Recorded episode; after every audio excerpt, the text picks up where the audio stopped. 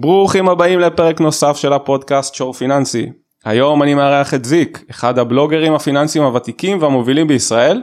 אנחנו הולכים לדבר על המסע של זיק לחופש כלכלי, פתיח קצר ומתחילים.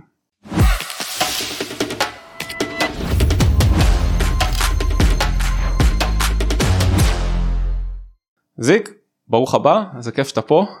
כיף לי להיות פה, אהלן איתי. אהלן, נתתי ככה הקדמה קצרה, אבל בוא ספר לנו קצת על מי אתה, שאנשים שלא מכירים, למאזינים שלא מכירים. ש... תראה, ראשית זה מרגש ומלחיץ באופן היסטרי להיות פה. מי שלא יודע, אני בלוגר אנונימי, אני פעיל מספר שנים, אבל זה בעצם הפעם הראשונה שאני יוצא מחוץ למסך ופוגש בן אדם אמיתי, זה סופר מלחיץ. אשתי בבוקר ביקשה שאני אעביר את הכתובת של איפה אני נוסע כדי שלפחות ידעו את הרדיוס של איפה לחפש את חלקי הגופה אבל הנה אני פה עדיין חי.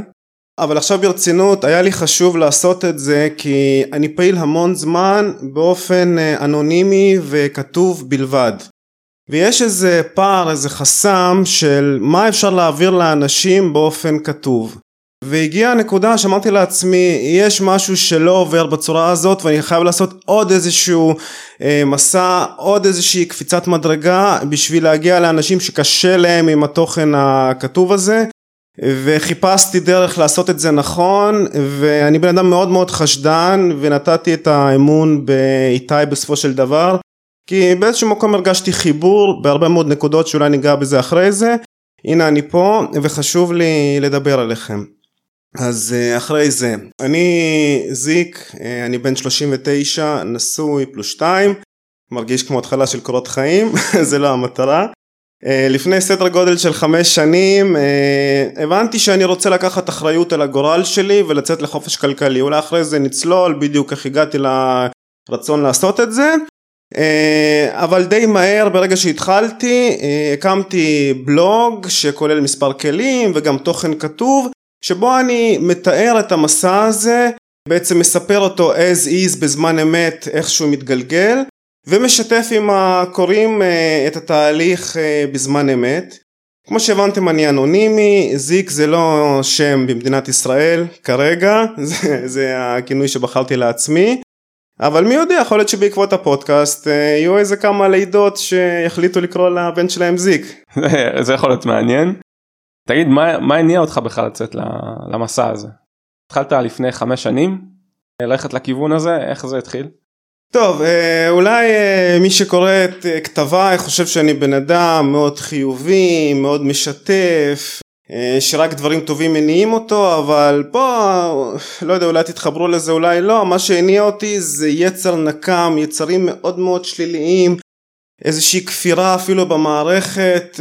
אני בבסיס שלי בן אדם שלא מסתדר במערכות כן אני הייתי בלא מעט מקומות הייתי בצבא קצין אה, הייתי מוביל של אה, איזשהו מוצר בחברת פיתוח תוכנה. אני סך הכל הצלחתי במערכות אבל כל הזמן אני מרגיש שזה לא זה שאני לא שם.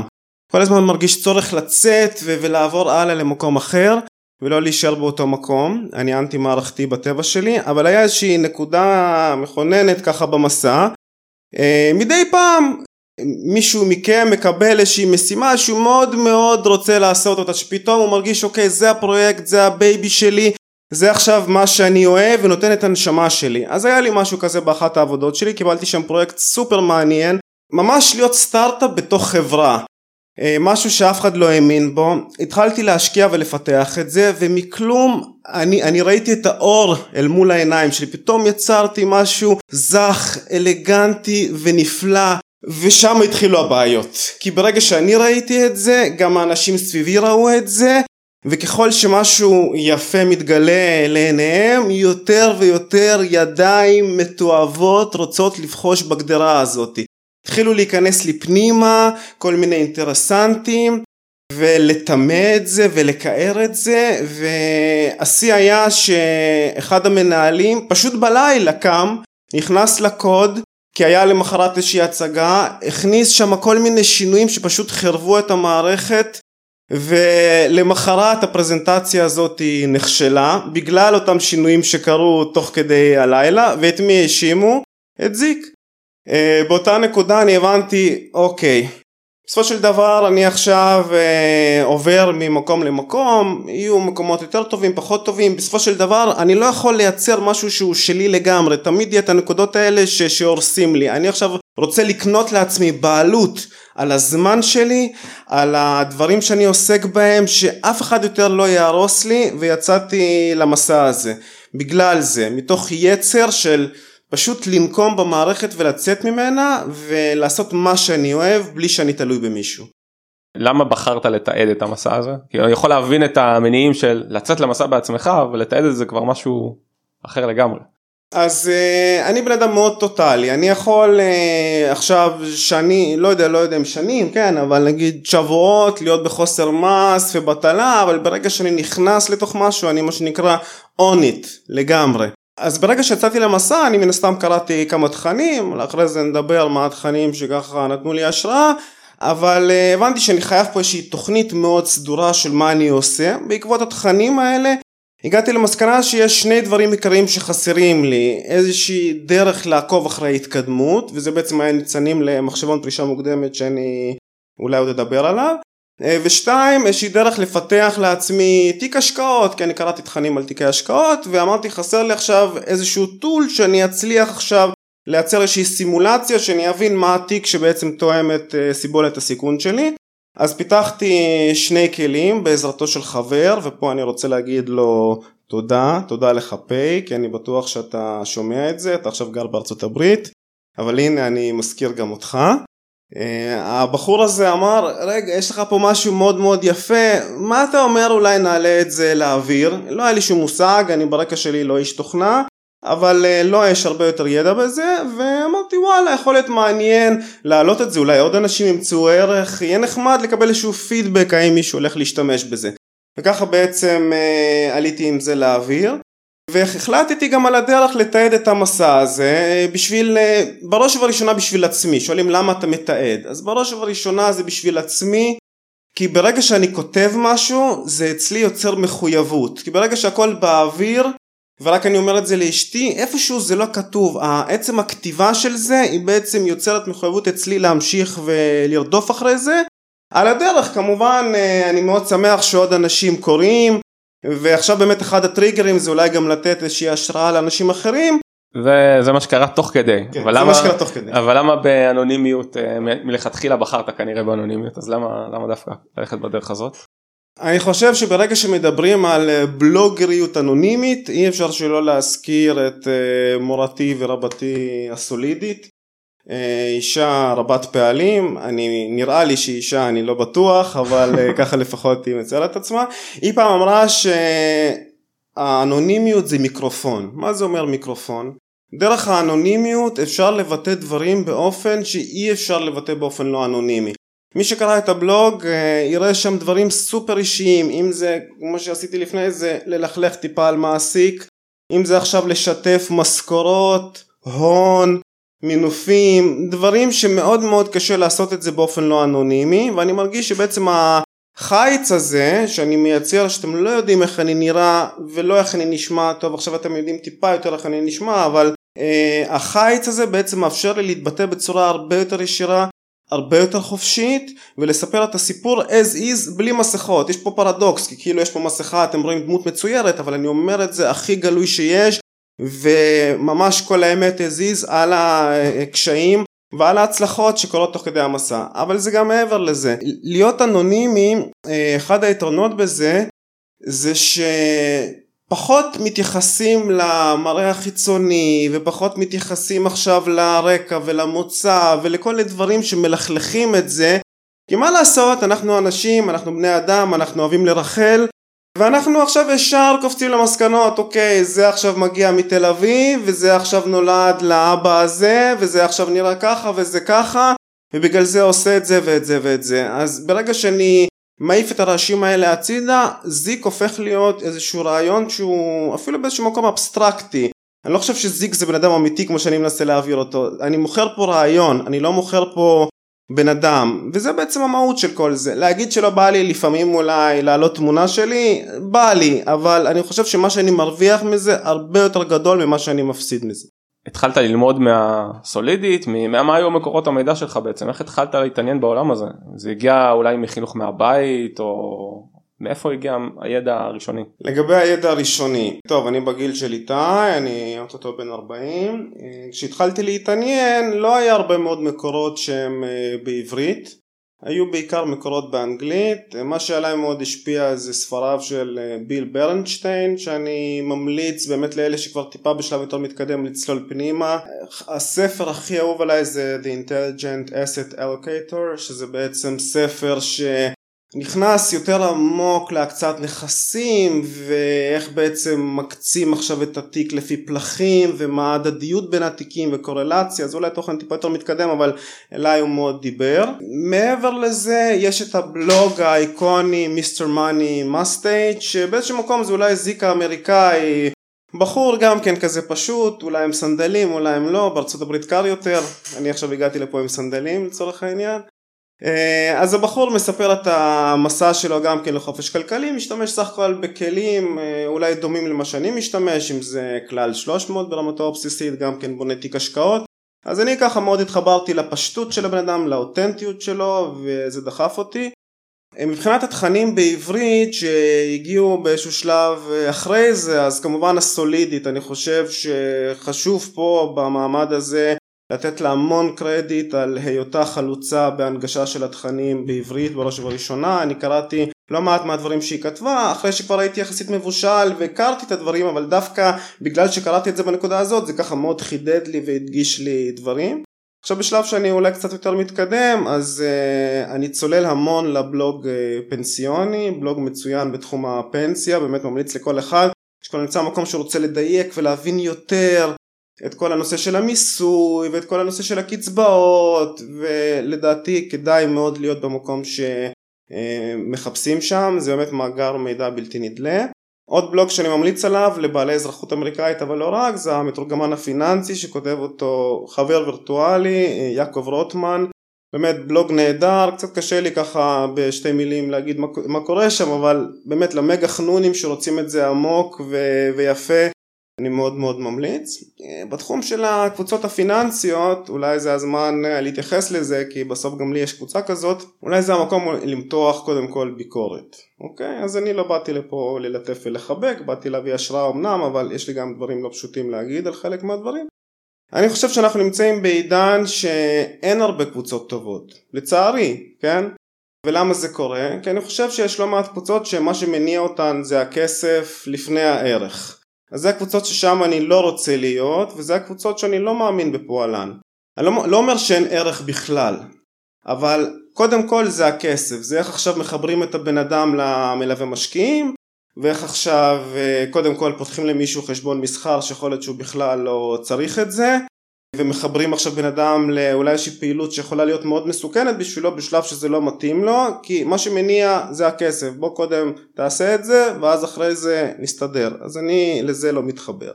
אז הקבוצות שאני מבקר בהן והאמת שכרגע זה יחסית לא הרבה קבוצות כי באמת אין לי זמן וגם אין לי פתיל אה, לקרוא שיט זה שלושה מקורות שאני רוצה להזכיר הראשון והוותיק מכולם זה נינג'ה פיננסית, אה, קבוצה אה, ותיקה. עכשיו לדעתי מה שמאוד מפתיע בקבוצה הזאת זה שלמרות גודלה הדי עצום של 100 אלף אנשים היא מצליחה איפשהו לשמר איכות וערך גם כן לפני הכסף וכמעט ולא רואים שם שטויות שיווקיות אלא באמת דיונים מאוד עמוקים וזה רק אומר כמה שמנוהלת ביד רמה שוב אחד המנהלים שם זה ידידי יעקב רוטמן. עכשיו אני מתכתב איתו לא מעט לגבי איך מנהלים קהילה והוא אומר שזה אולי קוריוז. ברגע שאני מרגיש ציוץ ציוץ של איזה סוכן שבא עכשיו לדחוף פה את מרכולתו אני מעיף אותו מכל המדרגות. וככה מאחורי הקלעים הוא גם כן בקהילה שלי אומר לי רגע ראית את הדביל הזה שעכשיו אה, אומר בוא תפתח גמל להשקעה ש... באמת אין שום היגיון מאחורי המעשה הזה בוא תעיף אותו עכשיו ווואלה באיזשהו מקום נהייתי גם כן קצת מדרפאקר ואני קצת מעיף אנשים כי יש גבול אם אתה לא שם את הגבולות לאנשים הם בסוף רוכבים עליך אז זה קבוצה ראשונה שלמרות שיש בה איזה סנוביזם אף אחד לא מושלם זה אולי גם הקסם שלה שקבוצה של אנשים מתנסים אבל בקטע טוב הקבוצה השנייה אני פה צריך לפרגן למארח, אוקיי? אני חייב לעשות את זה. הקבוצה שור פיננסי זה קבוצה קטנה, אבל זו הקטנה גדולה תהיה לדעתי. והסיבה היא שוב שהערך שם בא לפני הכסף. בטח איתי עושה כמה שקלים ואני מאחל לו שיעשה מבחינתי כמה שיותר. אבל הוא בהתחלה בא לתת משמעות, לתת ערך לאנשים. אני אציין פה שתי עבודות לדעתי מדהימות שלו. אה, הראשונה זה מחקר של קרנות ממונפות. אה, זה מכשיר אה, סופר מסוכן למי שמתייחס אליו מההיבט הספקולטיבי. מי שעכשיו בא ומנסה לסחור בקרן ממונפת בלי שיש איזה רציונל מאחורי זה יכול לאבד שם את המכנסיים. אבל איתי בא עכשיו לתחום סופר מסוכן והתווה שם איזה סט של עקרונות שאפשר לשפר את התוחלת של זה ולגשת לזה עכשיו מתוך מקום של להשקיע בתבונה אה, על פי איזשהו סט של כללים מנחים שלדעתי יכול לאפשר לאנשים לעשות מזה דווקא בתוחלת אה, סכומים מאוד מאוד יפים של כסף. העבודה השנייה שלו שגם כן לדעתי אתם יכולים לספוג ממנה המון המון תובנות זה המחקר של הקרנות הסינתטיות. יש מין איזה דעה קדומה כזאת ואני אישית שונא דעות קדומות. אה, פתאום איזה מישהו אומר את זה ואז זה מהדהד בכל הקבוצות כי אני לא יודע. יוסי אמר, בסדר? אין, אין בן אדם בשם יוסי. יש בן אדם בשם יוסי אבל סתם איזה יוסי, כן? לא באמת יוסי. אז uh, הוא אמר עכשיו uh, קרן סינתטית זה מסוכן uh, אל תשקיעו בזה כי סיכון מנפיק כי בלה בלה אוקיי עכשיו בא איתי, תקף את הסוגיה הזאת בצורה יסודית, שיטתית, אה, הסביר שם מה הסיכון, האם זה באמת סיכון אמיתי, עד כמה הוא גדול יותר מסיכון של קרן פיזית, ונתן פה לאנשים עכשיו תובנה שבעצם זה לא כזה מסוכן ויש שם גם יתרונות עצומים כמו למשל טוב אני לא אגנוב לו את הפרק של הפודקאסט אתם תקשיבו לזה אחרי זה יש שם יתרון עצום של מיסוי דיבידנד מקל יותר אז בן אדם יכול גם להרוויח את המיסוי המקל בעצם להישאר עם יותר תשואה כי מה זה מיסוי מקל? זה, זה יותר תשואה בסופו של דבר. אה, אבל גם בעצם לא להסתכן כמו שמישהו אמר אוקיי? הקבוצה השלישית ש... אני אזכיר זה טוב, באופן לא צנוע הקבוצה שלי. אני מנסה גם כן להיות אחד כזה שקודם מה שמניע אותי זה ערך לפני כסף. הקבוצה הזאת אולי עכשיו אה, באיזשהו מקום אפילו פחות פיננסית היא נקראת צועדים עם זיק לחופש כלכלי. יש בה אמנם תכנים פיננסיים אבל בואו כמה כבר אפשר לחדש? כמה אפשר להגיד דברים חדשים? אז נכון יש תיק שכדאי לבנות אותו על פי הקצאה בין מניות ואג"ח אבל יש איזה רוויה של כמה אפשר כבר לזיין בשכל הדבר הזה אוקיי? אז הקבוצה הזאת כרגע זה פשוט קבוצה של אנשים שבאים לשתף את הסיפור שלהם את המסע שלהם. יש לי פינה שם שכל אחד מספר איך הוא התקדם למשל לחופש כלכלי ו- וזה מטורף שאני כרגע לוקח כמה צעדים אחורה כי כבר אין לי כל כך uh, תמיד זמן ופנאי ואנשים פשוט מעלים. אני עכשיו פיתחתי איזה אקסל חדש של ניהול תיק השקעות אני עכשיו ראיתי איזה השקעה חדשה ועשיתי לה ניתוח ככה. אני עכשיו השתמשתי במחשבון ווואלה ראיתי שאם עכשיו אני מוציא איזה סכום בעוד ארבע שנים של 200 אלף שקל אז וואלה זה מאחר לי את הפרישה רק בחודשיים אה, וזה פשוט מטורף איך שבאים אנשים כמוני כמוכם מהעם מה שנקרא ומספרים מספרים שם סיפורים וזה לדעתי פשוט נהדר ומרגש אותי שאנשים ככה משתפים ואני ממליץ לכם אם תרצו לראות משהו טיפה אחר גם כן להצטרף. בוא נדבר רגע על האתר. אני אגיד שלדעתי האתר הוא באמת מלא בתוכן איכותי. זה תוכן שהוא מסודר גם פוסטים מעולים גם uh, מחשבונים שבאמת גם נדבר על מחשבון פרישה אולי בהמשך קצת לדעתי יש שם באמת אין סוף מידע. אבל אם היית צריך ככה לבחור, לא יודע, שלושה מאסטרפיסים מהאתר, משהו שהוא חובה לכל uh, קורא, בין אם זה מחשבון או פוסט או משהו כזה. אוקיי, okay. אז פה אנחנו באים מעולם פיננסי ויש היצע וביקוש. מה שאני בא לומר שלפעמים אתה עושה משהו ואתה חושב שזה הדבר הכי מטורף שיש ואף אחד לא משתין לכיוון של זה. אז מה שאני אגיד עכשיו זה הדברים שבסוף האנשים בחרו בתור מה שהכי מקדם אותם. כי אולי זה קוריוז מה שהתחיל את האתר זה אותו כלי להשוואה בין תיקי השקעות שאני ישבתי עליו אני חושב כמה חודשים טובים וזה עיכב את העלאה של האתר לאוויר. אבל בסוף זה לא עניין פשוט אף אחד הדבר הזה. זה קצת ככה כאב לי אבל בנקודה הזאת הבנתי שאני חייב להקשיב לאנשים. מה מעניין אותם? אני לא בתוך בועה ואם עכשיו אני רוצה לסמן את השני דברים שהכי דיברו לאנשים, השלישי זה דווקא אולי פחות, אבל חשוב לי גם כן להזכיר אותו. השני הדברים האלה זה, הראשון זה מחשבון פרישה מוקדמת. זה איזשהו פרויקט מתגלגל, הוא בעצם נמצא שם מראשיתו של האתר. אה, זה איזשהו טול שמאפשר לבן אדם להכניס את כל הנכסים שלו, את ההתחייבויות שלו, את ההכנסות והוצאות ולקבל עכשיו איזשהו שערוך לפרישה מוקדמת. מתי יכול לצאת לחופש כלכלי? זה כלי שהוא מתגלגל, הוא בהתחלה היה בתצורה מאוד מאוד בסיסית וככה לאט לאט אנשים התחילו להתעניין כי כנראה שאני לא היחיד שרוצה לדעת מתי הוא יפרוש. כל שאנשים ראו את זה פתאום הביקוש הכתיב את ההיצע את מה שאני עושה כי פתאום בן אדם רוצה להכניס שם אופציה לעליית הכנסה או לעליית הוצאה או עכשיו הוצאות חד פעמיות או עכשיו אלף ואחד דברים אנשים רוצים RSU ורוצים עכשיו פתאום אנשים לא יודעים שובע כי כל אחד יש לו את השונות שלו בסוף המחשבון הזה הפך להיות כלי שמספר אין סוף סיפורים. בן אדם יכול עכשיו לקחת את החיים שלו לפרוס את זה עכשיו על איזשהו גרף וזה ממחיש לו איפה הוא יהיה וכמה ההמחשה הזאת היא חשובה. יש לי סיפור מטורף. כותב לי בן אדם אה, יש לי 15 מיליון זה, זה בן אדם אמיתי ושואל אותי אני לא בטוח אם אני יכול לפרוש. עכשיו כנראה שהוא כן יכול לפרוש עם 15 מיליון ואז הוא מכניס את זה למחשבון, הוא אומר וואלה המחשבון שלך הפיל לי אסימון שאני עכשיו יכול לפרוש. אני אומר אוקיי מה אתה fucking כאילו אומר לעצמי מה אתה fucking מטומטם יש לך 15 מיליון ברור שאתה יכול לפרוש. אבל זה בעצם ממחיש את הגדולה הזאת של המחשבון שברגע שבן אדם מכניס את הנתונים האמיתיים שלו והוא רואה אוקיי עכשיו מגיל 45 עד 55 אני מושך מהתיק הפרטי ואז מ-55 עד 60 קרן השתלמות ואז אחרי זה קצבה כזאת ואז אחרי זה קצבה כזאת, ואז ביטוח לאומי. ברגע שכל זה נהיה עכשיו מוחשי ומספרים מול העיניים, פתאום בן אדם אומר, רגע, זה יכול להיות אמיתי. אה, וכנ"ל אם עכשיו הוא רואה, אוקיי, עכשיו פה יש לי בר מצווה, פה יש לי חתונה, פה אני רוצה לעשות טיול, פה להחליף רכב. ברגע שאפשר להכניס את כל זה לתוך המחשבון, בן אדם רואה עכשיו תוכנית, זה פתאום מרגיש לא אמיתי. בינינו, כל מה שהוא הכניס שם זה כנראה לא בדיוק מה שיהיה, כי החיים חזקים מהכל ואיזושהי הכנסה תהיה יותר, משהו פחות. אבל עצם זה שיש איזה וקטור, איזה כיוון, זה מאפשר לאנשים לחלום. הדבר השני זה פוסט, אוקיי? אנחנו פה עם איתי מסכימים שלהקים תיק השקעות זה לא איזה מדע טילים, בסוף יש איזה סט עקרונות ומקימים תיק. אבל אני זיהיתי שלא היה איזה פוסט אחד שמרכז את הכל, מהתיאוריה ועד הפרקטיקה. והחלטתי לקחת את זה על עצמי אחרי שהרבה זמן רציתי ודחיתי את זה אמרתי אוקיי אני עכשיו מייצר פוסט שכולל את הכל.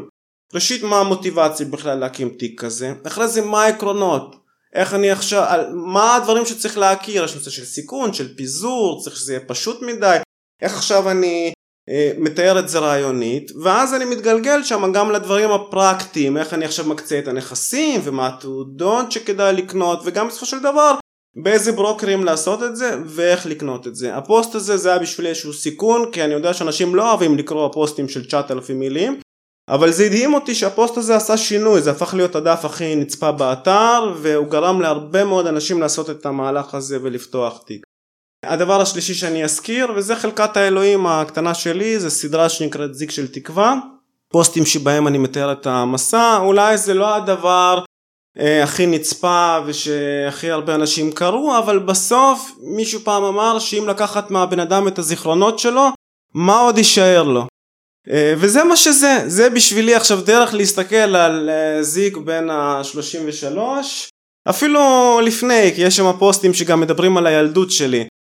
ולראות איפה הייתי ואיך התקדמתי. אז זה הסיבה שבחרתי גם כן בדבר הזה. רגע בוא נזכיר קודם כל הפוסט אה, שדיברת עליו זה zero to hero. כן כן. פוסט שאני גם המלצתי עליו להמון אנשים מי שמחפש להתחיל דרך וצריך ככה איזה jump start אני חושב שזה המקום להתחיל. תשקיעו את הזמן תקראו את הפוסט הזה הוא לא קצר אבל זה ייתן לכם המון. ואני באופן אישי לקחתי לעצמי לבחור שלושה דברים כאלה אז, אז הזירו טו הירו זה באמת אחד מהם. המחשבון פרישה שלדעתי הוא אפילו לי מפיל לא מעט אסימונים ואני אזכיר גם את ה... אמרת אני חושב אותו בהתחלה שזה יפתיע אותך אבל אני חושב שהגלריית השקעות התיקים שיש לדוגמה שם זה אחד הדברים שביקרתי בהם לא מעט.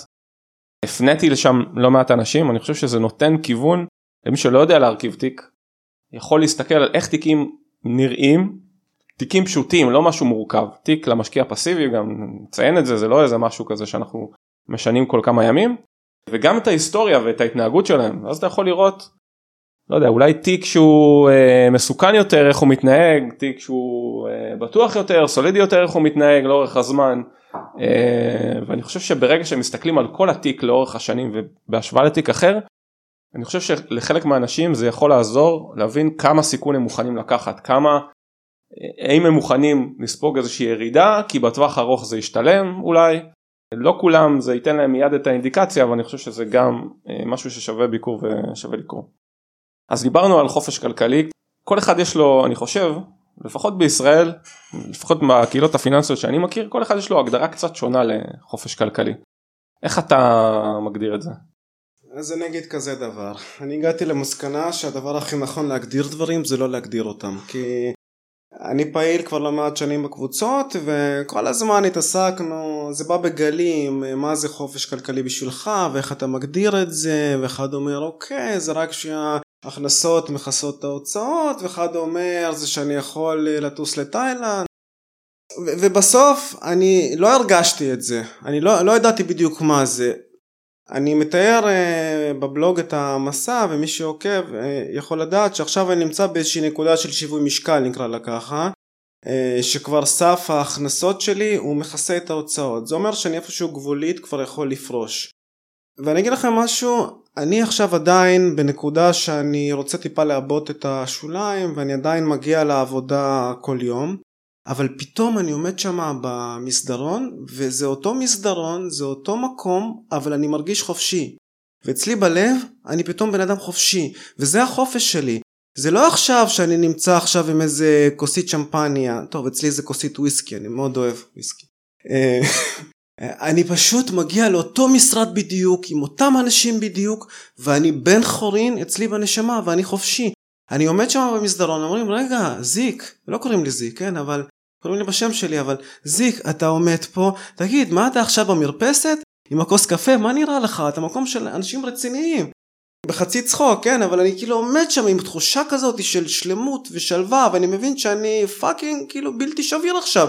אם פתאום החברה הזאת נסגרת אם פתאום עכשיו בא לי לעזוב אני יכול לעשות את זה. אני נמצא שם כי אני רוצה כי זה הבחירה שלי נכון לרגע זה אבל אני יכול בכל רגע ללכת ולקחת את הכיוון שבא לי וזה החופש שלי הזה שבתוך הלב אני בעצם משוחרר מהכבלים האלה ולא תלוי עכשיו אה, בלהגיע למקום הזה בשביל לקיים את עצמי ואת המשפחה שלי. תפיסה שלך אולי התחלת כשכבר היו לך ילדים אבל אם התפיסה השתנתה בעקבות עם הזמן בעקבות הילדים או הצורך בהשקעה בחינוך שלהם או העלות של החינוך כל מיני דברים כאלה שקרו עם השנים זה משהו השתנה לך בתפיסה של החופש הכלכלי לאורך הדרך? טוב אין ספק שברגע שאתה יוצא מהמקום שאתה אגואיסט ורק עם עצמך למקום שיש לך ילדים מישהו לדאוג להם הכל משתנה. זה אגב איזשהו מוטיב אצלי בבלוג אני לא עושה את זה בתוך ואקום זה לא רק אני וזיק אני עושה את זה כאיש משפחה כי נכון זה פחות מאתגר עכשיו לצאת לחופש כלכלי שאתה לבד לבד אני יכול עכשיו לעבוד במייקרוסופט כמה שנים להרוויח בוכטה כסף והנה עכשיו מה, מה זה לקיים את עצמי עם איזה רכב קטן ואיזה דירה קטנה. נכון ברגע שזה ילדים אז uh, זה בסוף uh, זה הילדים שלנו uh, זה חולשה ומאוד מאוד חשוב לי לפנק אותם ושיהיה להם כיף ושיהיה להם אולי יותר קל ויש נקודות שאני גם נותן להם אולי קצת יותר מדי כי בסוף במי אני אשקיע אם לא בהם? אז כן במקום הזה אה, כמובן שההוצאות עלו וכמובן באיזשהו מקום אני פחות חוסך על הילדים אני קצת קמצן כלפי עצמי. אה, זה גם כן משהו שאני מזכיר יש לי רכב מאוד מאפן ואני פה עם סנדלים אותם סנדלים במשך איזה כמה שנים טובות ואני לא קונה כמעט בגדים ועל עצמי אני חוסך אבל ילדים אני יכול להתפרע על מסיבה של ילד שלי עכשיו בכמה אלפים טובים כי אני רוצה שהוא יהיה הכי מקובל ושיהיה לו הכי כיף ונכון אולי זה לא הערכים הכי נכונים שצריך אה, להקנות אבל מה אני אעשה? בסוף זה הילד שלי ואני רוצה לפנק אוקיי?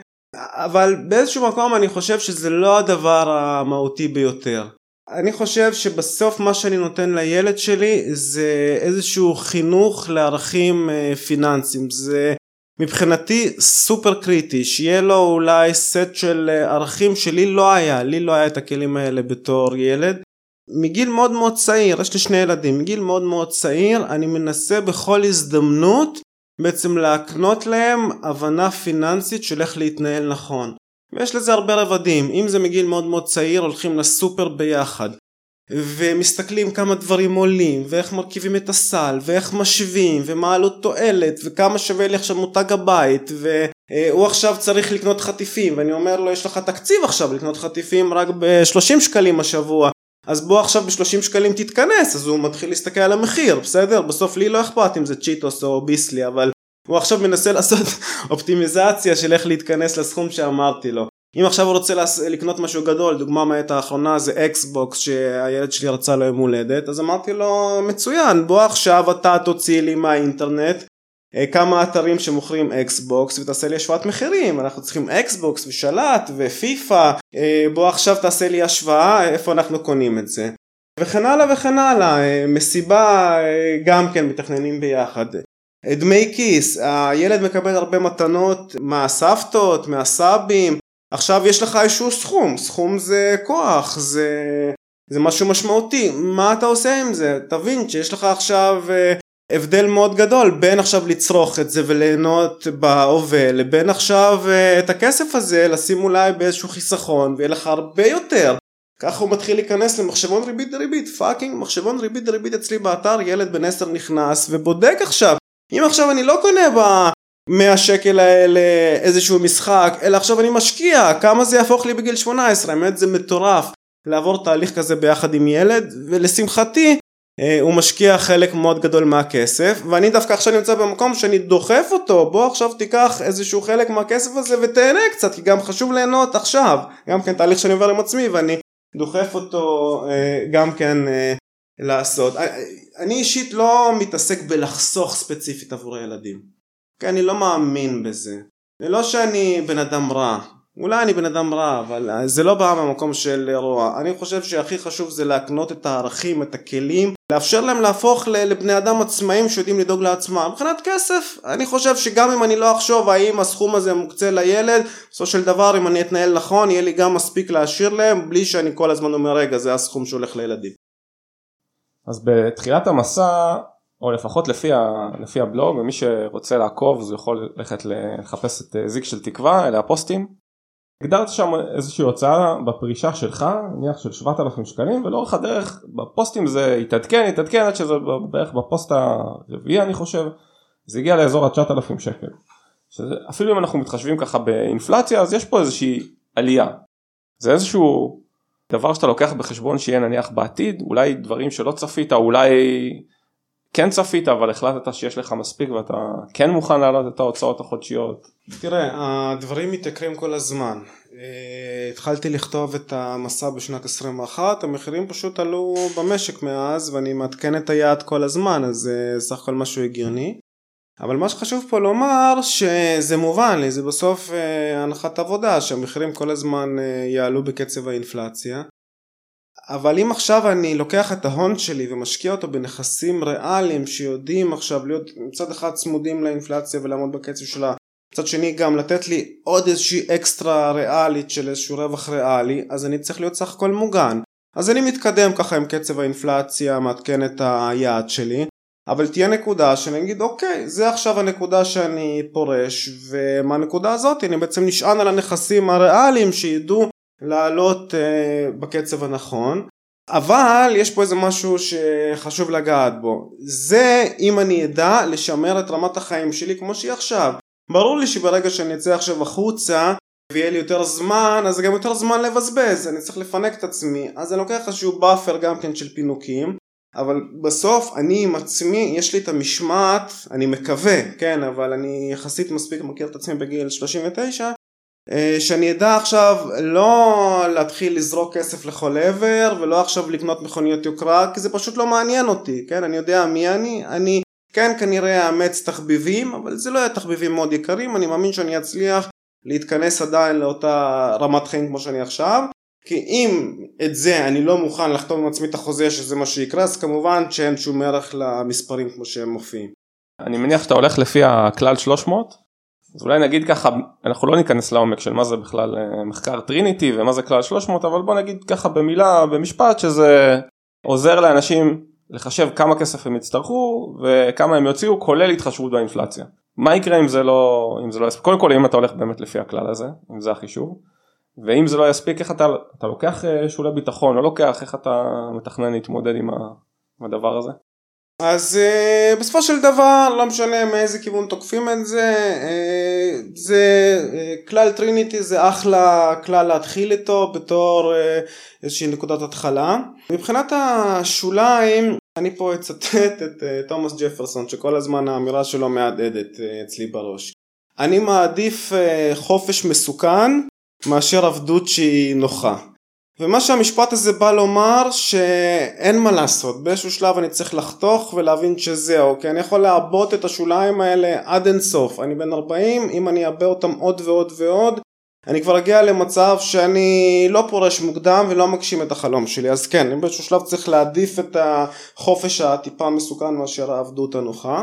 מאיפה השוליים מגיעים? אז הם מגיעים מכמה מקומות. ראשית יש לי יחסית תיק מפוזר, גם תיק בשוק ההון שהוא מפוזר על פני כמה נכסים, אה, אם זה מניות ואג"ח, ואם זה גם כן השקעה בנדל"ן, יש לי כרגע דירה להשקעה, והייתה לי עוד דירה שאני מכרתי מהסיבות אה, שלה.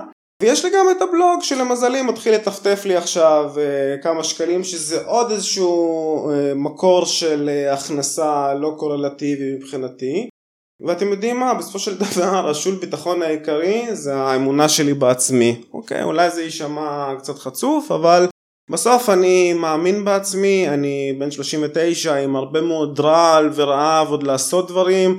אני לא באמת הולך עכשיו לפרוש לשבת ולגרבץ מול הנטפליקס, אני לא בנוי לזה. כן, יכול להיות שזה יקרה כמה ימים, כי ברגע שהמתח יורד זה מה שעושים.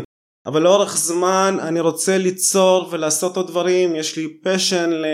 ואהבות שאני בטוח שאני אוכל להגשים לא מתוך חשיבה על כסף אבל אני חושב שאם אני אעשה את זה כמו שאני רוצה לעשות את זה אז גם הכסף לאורך זמן יגיע וזה השול האמיתי האמונה שלי במה שאני יכול לעשות. אם אנחנו נוגעים בלפרוש וההוצאות אז בבלוג אתה מציין ואולי גם בקבוצה אני זוכר שציינת את זה שיש איזושהי חלוקה בינך בת זוג לאשתך ליפה בנשים כמו שאתה קורא לה ואתה אומר אוקיי זה החלק שאני מביא להוצאות המשפחתיות ואני יכול לפרוש עכשיו כי יש לי את הכסף הזה. אתה מתייחס לכסף הזה הוא רק שלך? איך זה עובד כאילו החלוקה הזאת? איך אה, האם היא חושבת על חופש כלכלי? איך היא מתמודדת עם זה? איך תקשרתם את זה ביניכם. טוב אולי אני אנסה להשקיע בזה את הכי הרבה קשב בלענות על זה נכון כי השאלה הזאת היא כל הזמן צפה ואני מבין בסוף כל אחד מגיע מאיזשהו תא משפחתי כזה או אחר וחשוב להתייחס לזה. אני, מה שאני עושה בבלוג, אני כותב את החלק שלי בהוצאה המשפחתית. באמת, יש לנו איזשהו מבנה חשבונאי, שיש לנו חשבון אחד משותף וכל אחד מזרים לשם איזשהו סכום. אבל זה בעצם לא הסיבה שאני עושה את זה. היפה בנשים, אה, ככה אני קורא לה בבלוג, וכל אחד עם היפה שלו, וזה בסדר שיש את היפה בנשים שלי ואת היפה בנשים של איתה, וכל אחד עם היפה שלו. אנחנו באמת יחידה מאוד מאוד מאוד מלוכדת. אה, אני לא מלאים ממנה כספים, הכל קורה כל הזמן ביחד. היא אמרה שהיא לא מעוניינת לפרוש, זה חשוב להגיד, אין לה שום אה, מוטיבציה כזאת, היא ממשיכה לעבוד, אבל זה לא אומר שעכשיו אני רוכב בעצם על גבה שהיא ממשיכה לעבוד ובזכות זה אני עכשיו צריך רק חצי מהכסף כי יש לי בעצם את ההכנסה שלה בתור איזה הכנסה פסיבית. לא, זה לא המצב.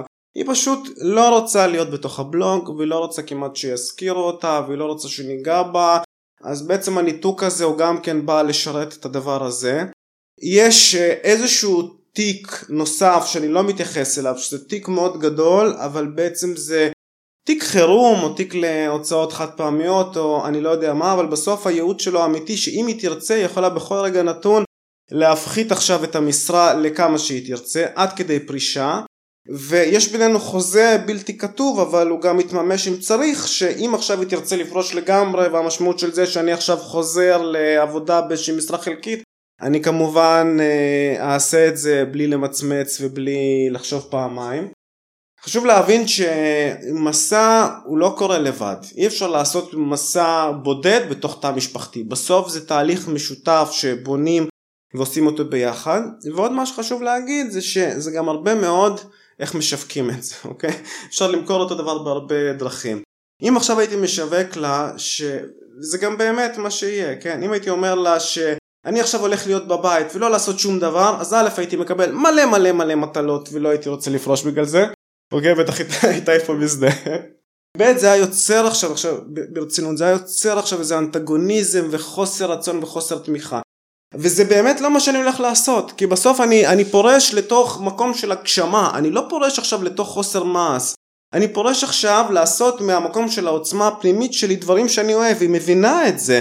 אוקיי, אז לא יהיה את המשכורת המסודרת שנכנסת מחברת הייטק, אבל היא מבינה שאותה תחליף עכשיו איזושהי עשייה ואיזושהי הכנסה ממקום אחר, ואני לא אהיה איזה על בנדי שמגרבץ כל הזמן, וברגע שהיא מבינה שזה, שזה מה שיהיה, אז היא רוצה שאני אגשים את עצמי, והיא הפוך, היא דווקא תומכת ודוחפת אותי להגיע לנקודה הזאת שבעצם יש לי את הביטחון שאני יכול עכשיו להפסיק לעבוד שכיר פשוט להיות עצמאי ממקום של כוח ועוצמה וחוסר תלות באף אחד.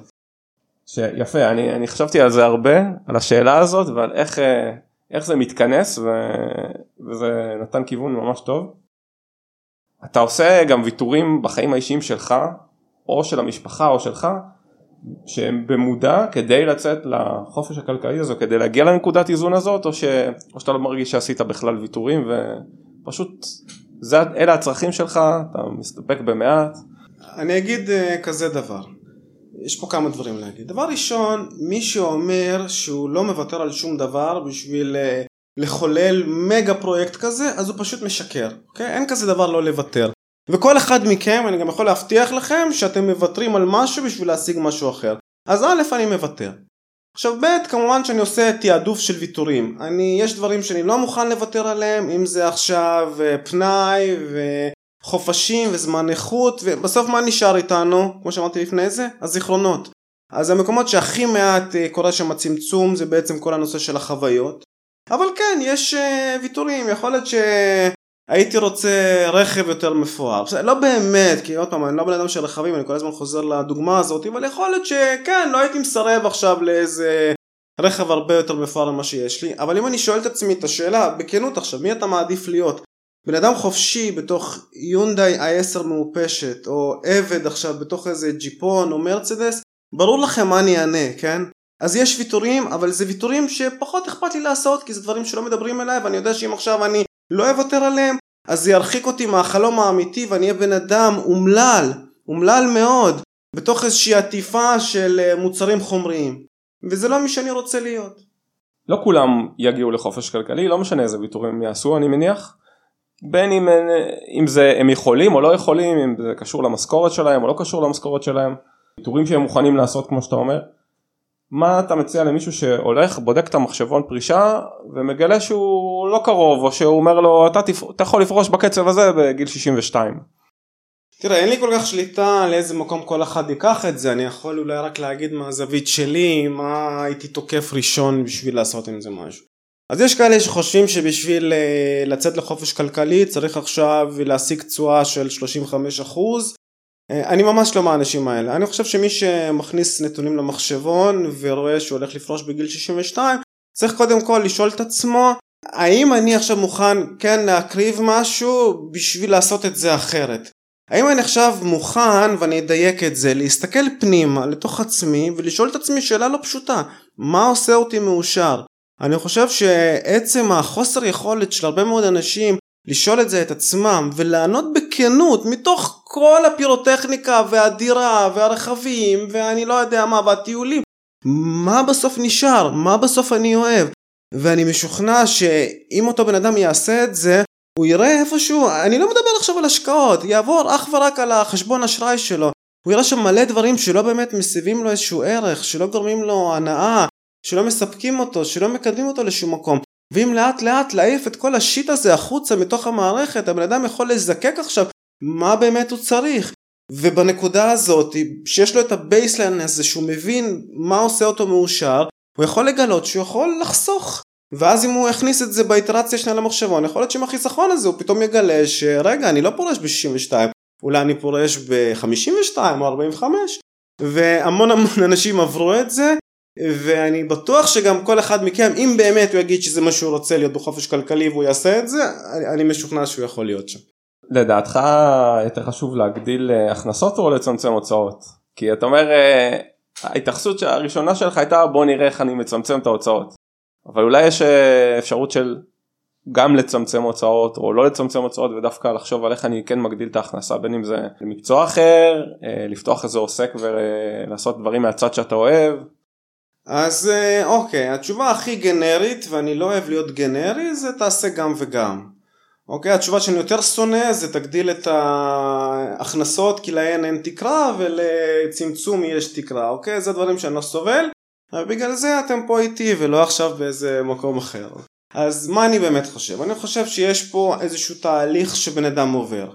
אני חושב שאם עכשיו בן אדם נמצא בנקודת אפס והוא רוצה להתחיל את השינוי שלו היום, לא עכשיו בעוד שנתיים, הוא צריך קודם כל לצמצם למינימום את ה... אה, מה שלא מסב לו ערך ולא גורם לו הנאה, לצמצם בעצם את ההוצאה. למה? כי זה משהו שכל אחד יכול לעשות כאן ועכשיו. זה עכשיו מייצר פה איזושהי יכולת להתחיל ולפעול ולהתקדם בלי עכשיו לנסות להתקבל לחברת הייטק מאוד נחשקת או עכשיו להקים עסק כי בסוף זה תיק זה לא כל אחד יכול. מי שעכשיו ינסה לחשוב רק על הסעיף של ההכנסות הוא יכול מהר מאוד להגיע פה לאיזשהו סף של תסכול כי אני לא חושב שכל אחד יכול מחר להחליף עבודה ולהרוויח במקום 10 אלף 50 אלף. בואו זה לא מציאותי.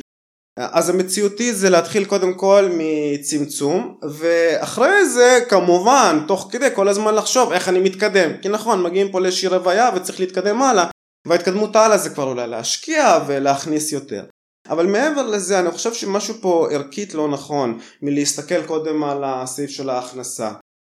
אני לא סובל את כל המנטורים של התודעת שפע, אני חשוב לי בנקודה הזאת גם כן להזכיר את זה, בסדר? אני לא אזכיר שמות אה, כי אני לא רוצה פה להיכנס לתסבוכות אבל יש כאלה שאומרים אוקיי בוא עכשיו תדמיין את החיים שמגיעים לך אוקיי? לא משנה כמה הם יעלו ופשוט אה, תחזיק ידיים פה בתוך איזה מעגל תמיכה ותגיד אני עשיר אני עשיר. אולי אתם מבינים למי, למי אני מתכוון כן?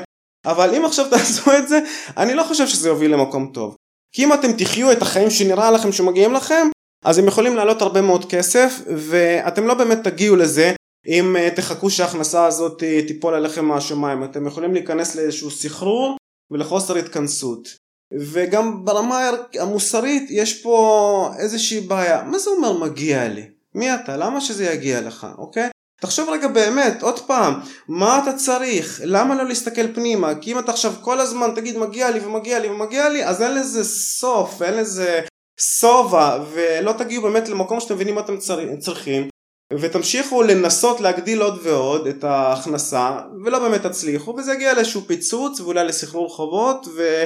למקומות אה, מאוד לא טובים. אז מהסיבות האלה, שוב, קודם כל לצמצם, ואז על, להבין מה אתם צריכים, ועל זה להתחיל באופן מדורג לבנות ולהגדיל את התזרים בשביל להתקדם עוד יותר. אז אה, איזה עצה היית נותן למי שמתחיל את המסע, עכשיו נניח הוא אומר אני ראיתי את, את זיק ואני אוהב את, ה, את הכיוון ואני רוצה בסדר אז אני יכול לצמצם אה, הוצאות ואולי גם להגדיל הכנסות אבל איזה עצה מעבר היית נותן למישהו שמתחיל מסע לאיזשהו חופש כלכלי? אולי איזשהו תאום ציפיות או. אם עכשיו אני מנסה להבין ולסמן מה אבני הבניין של יציאה למסע כזה אז uh, בעיניי שלושה דברים. דבר ראשון זה לקיחה של סיכון אוקיי? זה הרבה אנשים אולי מפספסים ודווקא בתקופה כזאת כמו שאנחנו נמצאים בה עכשיו שהריבית יחסית גבוהה ומקבלים איזושהי ריבית חסרת סיכון של 4% הרבה אנשים אומרים אוקיי אני לא אסתכן. אני עכשיו אשקיע הכל בקרן כספית וזהו שלמה לישראל? למה אני צריך מניות? ולמה אני צריך נדל"ן? ולמה אני צריך זה? בסוף מפספסים שבעצם הריבית הזאת היא ריאלית. אם עכשיו אני מנקה את האינפלציה היא מאוד מאוד נמוכה. אז חובה פה לקחת סיכון. עכשיו סיכון יש לו הרבה פנים. אפשר להסתכן אם זה בפתיחת עסק אם זה עכשיו uh, בלהשקיע במניות שזה משהו הרבה יותר תנודתי ואם זה עכשיו לקחת מינוף ועם המינוף הזה לקנות בית יש הרבה פנים לסיכון אבל אם עכשיו למתג את הסיכון הזה ולנהל אותו אפשר גם לצמצם אותו. ככל שמתחילים מוקדם לאורך זמן הסיכון הזה קטן. אה, ברגע שההשקעה היא לאורך זמן. ברגע שלומדים ומבינים מה עושים גם כן זה ממתג את הסיכון כי אני עכשיו לא סתם עושה מינוף אני מנהל אותו, אני מבין עכשיו מה התרחישים, מה יקרה עכשיו אם הסוחר הזה לא ישלם לי. אני עכשיו מנהל את הסיכון הזה בהיבט הזה. וככל שאני גם מגוון ומפזר את התיק על פני כמה אפיקים, אני גם כן ממתג את הסיכון. אז חשוב מאוד לקחת סיכון, זה דבר ראשון. שני זה, עוד פעם, אני כל הזמן חוזר לאותה הסתכלות של עכשיו לתעדף את הצרכים, מה אני באמת צריך, אוקיי? לדעתי בלי זה, אני כל הזמן חוזר לזה, בלי זה אי אפשר באמת לצאת למסע. ושלוש זה לפרוש לתוך משהו כי אה, אני אגיד לכם משהו אני אולי דוגמה לא טובה כי אני התחלתי ממקום של כעס מאוד מאוד גדול על המערכת וזה מה שהניע אותי אבל באיזשהו שלב זה התחלף ברצון לעשות משהו טוב בעולם הזה לתת איזשהו ערך איזושהי תקווה ומשמעות אה, לעצמי וגם אחרי זה לאחרים. אז אה, בשביל לצאת באמת למקום הזה של חופש כל אחד מכם צריך להבין עם עצמו מה הערך, מה התרומה, איך הוא עושה טוב בעולם הזה, לא לחשוב על כסף, אלא לחשוב ערכית, מה באמת עושה אותי מאושר, ומה עכשיו הדבר שאני יכול להשאיר אחריי ולתת לאחרים, ולקבל הכי הרבה שאפשר, גם מחופש וגם מהחיים האלה, זה לתת הרבה לאחרים. אז מה, מה אתה תעשה ביום שאחרי? דיברת על זה קצת, הזכרת שאתה פורש לתוך עשייה, שתרצה לעשות uh, כל מיני דברים, פרויקטים מעבר. יש כבר תוכניות לדבר הזה? אה, אני עכשיו בנקודה שפתאום אני מגיע למקום עבודה ואני אומר אוקיי זה אחלה מקום. באמת באמת אחלה מקום כי אני מאמין שבאיזשהו שלב אולי אני אחשף ואז גם תבינו איפה הייתי אז א' אני חייב להגיד שזה אחלה מקום. ב' זה באמת אחלה מקום אם עכשיו לדבר על עבודה שכירה באמת אחלה באחלה של מקום. אה, אבל אני כבר מגיע לשם במקום שאני כבר רוצה להיות בשלב של אחרי כי אני כבר יש לי הרבה דברים שאני רוצה לעשות ואני מבין שזה הנקודה שכנראה זה בלתי נמנע החיתוך הזה החיתוך הזה כבר בלתי נמנע. יש לי לא מעט רעיונות מה אני אעשה הלאה. אחד זה, יש לי איזשהו פשן לתחום של uh, הוראה. אני מגיע מתחום של uh, אקדמיה, uh, הייתי בטכניון מספר שנים, אז כן, הייתי מאוד רוצה להעביר ידע בתחום שלי, אולי להעביר איזשהו קורס או שניים. דבר נוסף שאני מאוד אוהב לעשות זה לעבוד עם ילדים. אני מאוד אוהב את האינטראקציה הזאת, אני חושב שאני אולי אוכל להקים איזשהו קורס פיננסי בשפה שלהם ואולי להעביר את זה בבתי ספר, זה עוד איזשהו כיוון ועוד איזשהו חלום. אה, דבר נוסף זה איזשהו סטארט-אפ, טוב אולי זה לא שוס גדול אבל אה, ברור שזה יהיה משהו בתחום הפיננסי, אני חושב שהתחום הזה של הפינטק מאוד צמא לחידושים וליכולת לייצר איזושהי תוכנית ומפה הוליסטית ואני באמת מאמין שאולי אם יש לי כבר סיכוי לעשות סטארט-אפ במשהו אז זה שם כי הלב שלי נמצא שם. וברמה הבסיסית כן אני רוצה לישון יותר כן? זה לא גס להגיד את זה אני אוהב לישון וככל שאני עובד כשכיר זה פחות מתאפשר וכן אחד שאני רוצה לעשות זה לישון נכון? יש גבול לכמה אפשר לישון אבל זה אני אעשה. אה, ללמוד לשחות אה, בצורה טובה אני כשרואים אותי שוחה מהצד אולי זה נראה כמו מישהו שנאבק במים. אני בהחלט רוצה לקחת את זה למקום רציני יותר, אולי אפילו לקחת שיעורים ולשחות חתירה כמו שצריך, כן, לעשות הרבה כושר, להתנדב ולהיפגש עם אנשים מעניינים כמו איתי, למה לא? זה אחלה דבר של לעשות גם כן בפנאי. כרגע אני, הפעילות שלך היא כמעט כולה בחינם אני חושב, אם לא הכל. אני די בטוח שכמו שאני מקבל כל מיני פניות, גם כשאני לא מפרסם איזשהו שירות עדיין פונים אליי בבקשה לשירות גם בתשלום ואני בטוח שאתה קיבלת לא מעט פניות. יש, יש איזשהו אה, צורך להפוך את זה ל... לפרמל את זה לתת איזשהו שירות בתשלום לענות לאנשים אה, להקדיש כאילו אני מניח שזה גם נותן לך איזשהו סיפוק לעזור לאנשים אה, שנותנים בך ביטחון ונותנים לך את כל הפרטים ובוא בוא תעזור לי. אה, אז איפה שהפעילות הזאת התחילה חינם לגמרי ועדיין היא חינם ברובה עם איזושהי אפיליאציה כזו או אחרת פה ושם. אבל אני בא ממקום שאני באמת עוזר לאנשים אה, מכל הלב ולא מצפה לשום דבר שהם ייתנו לי. עכשיו האם אני חושב שזה גס לקבל תשלום על שירותים פיננסיים? כמובן שהתשובה היא לא. מה שגס זה שמה שמוביל זה הכסף ואני רואה שירותים ב-level מאוד מאוד נמוך שניתנים בכל מיני אה, מסגרות. אה, יש לי קבוצה פיננסית כמו שהבנתם ושם אני נתקל בהמון המון תופעות שליליות שבראש ובראשונה זה בוא עכשיו נגזור את העמלה. הבן אדם עכשיו פתאום מקבל איזושהי המלצה של אוקיי, כדאי לך לעבור מחברת פנסיה א' לב' כי כדאי לך, פשוט כדאי לך, והוא לא שואל את עצמו את השאלות למה כדאי לי, אבל בעצם מאחורי זה מגלים שיש שם לא מעט כסף שמתגלגל, וזה אותי מחליא ומעורר אצלי רפלקס הכאה.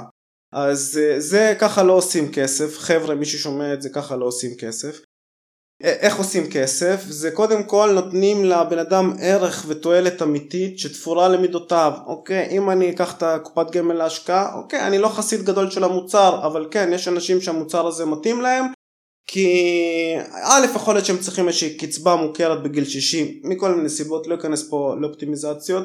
ב', יכול להיות שהם לא בנויים עכשיו אפילו לפעולה הסופר פשוטה של לפתוח חשבון מסחר ולהפקיד שם כסף. לא, לא בנו, לא בנויים לזה.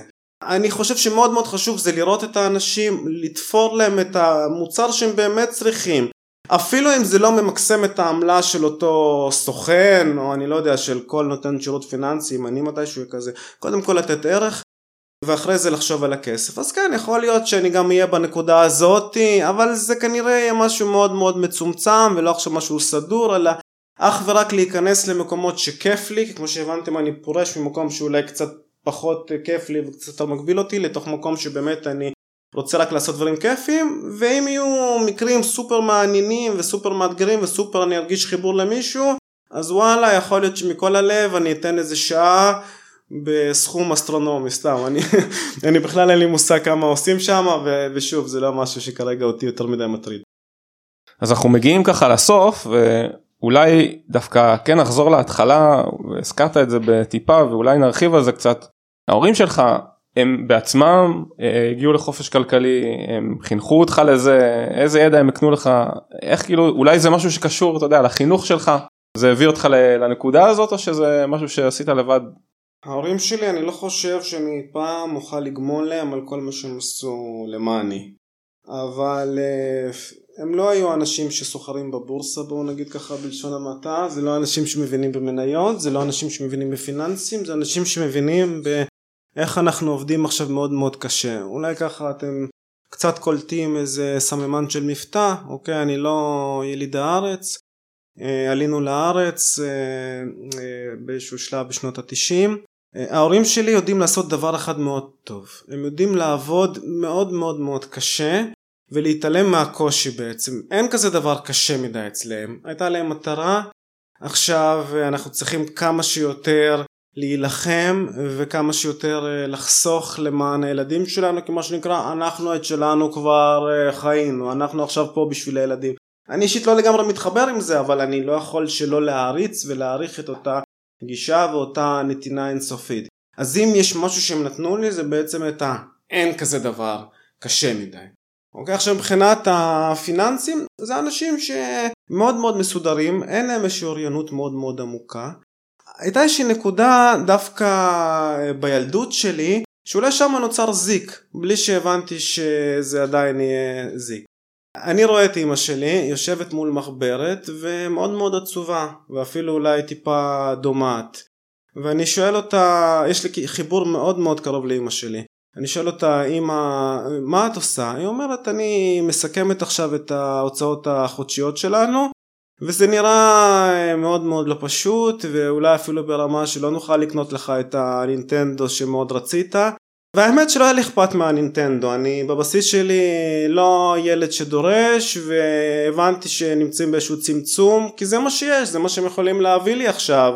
אז, אז מי אני שאדרוש עכשיו? זה מה שהם מסוגלים עובדים מבוקר עד ערב מה אני אבוא עכשיו עם דרישות? אז לא הייתי מבקש אבל כאילו באיזשהו שלב אמרתי שיש לי חלום לנינטנדו. אה, כן, האמת זה לא קל להיזכר בזה. אה, והיא אמרה אה, אנחנו לא מצליחים להכניס מספיק כסף יש לנו הוצאה גדולה ואנחנו כל הזמן בעצם מגדילים את המינוס. ככה פעם ראשונה בעצם נחשפתי לתחום הזה של המינוס בבנק וזה סקרן אותי. א' מאוד רציתי שאימא שלי לא תהיה עצובה כי זאת אימא שלי וב' אני ראיתי פה איזשהו אתגר של אוקיי יש פה איזושהי בעיה בסך הכל מתועדת במחברת בואו נראה מה אפשר לעשות עם המספרים האלה. אז אמרתי לה בואי תראי לי. ואז היא הראתה לי את הרשימה והיה שם כמו אצל כולכם היה שם הוצאות על אה, בית ספר והוצאות על אוכל והוצאות על אה, קצת טיולים והוצאות על זה ואמרתי לה אוקיי בואי ננסה להבין עכשיו מה מתוך כל ההוצאות האלה אולי לא צריך? אולי לאט לאט נוכל להתקדם ולהגיע למקום שאולי טיפה חוסכים, שוב לא מהמקום של הנינטנדו, במקום שהיא לא תהיה עצובה. ווואלה פשוט עשינו את זה, האמת זה היה פשוט אה, פסיכי, אנחנו עברנו על זה, חתכנו משם כמה סעיפים, ואמרנו ניפגש חודש הבא ונראה איך מתקדמים. פתאום חודש הבא הם כבר לא העמיקו את המינוס ב-500 שקל, אלא קצת עלו למעלה ב-200 שקל, וזה יצר עכשיו איזשהו תיאבון. ככה כל פעם ראינו עוד ועוד דברים, והצלחנו לחתוך ולצמצם, מה זה לצמצם? מבחינתי זה לא באמת צמצום, אלא זה להעיף דברים שלא באמת היינו צריכים, אם זה עכשיו היה איזה חשבון אה, מיותר של טלפון ואנחנו בכלל לא השתמשנו בטלפון, אוקיי? אז, אז העפנו אותו. אה, ובאופן אה, לגמרי פסיכי תוך שנה הם יצאו מהמינוס הזה. באמת אך ורק מתוך חיתוך של ההוצאות. זה לא היה אנשים בואו זה לא אנשים שחשבו עכשיו איך אנחנו מכניסים יותר הייתה להם עבודה נתונה פחדו מאוד לאבד אותה אה, אני חושב שיש הרבה מאוד אנשים כאלה. אך ורק מהסתכלות על סעיף ההוצאה הם עשו את זה ואני הרגשתי גאווה מטורפת. גם הנינטנדו הגיע כאיזשהו תגמול זה לא מה שהניע אותי אבל לראות פתאום את אימא שלי זורחת ונרגשת ופתאום לא מסתכלת עם עיניים דומעות באותה מחברת אלא פתאום מחייכת וחושבת קדימה אה, זה היה בשבילי סיפוק אדיר. ווואלה אתם יודעים מה? אה, נכון אין להם אוריינות גדולה אבל גם הם עושים צעדים גדולים צעדים מאוד מאוד גדולים.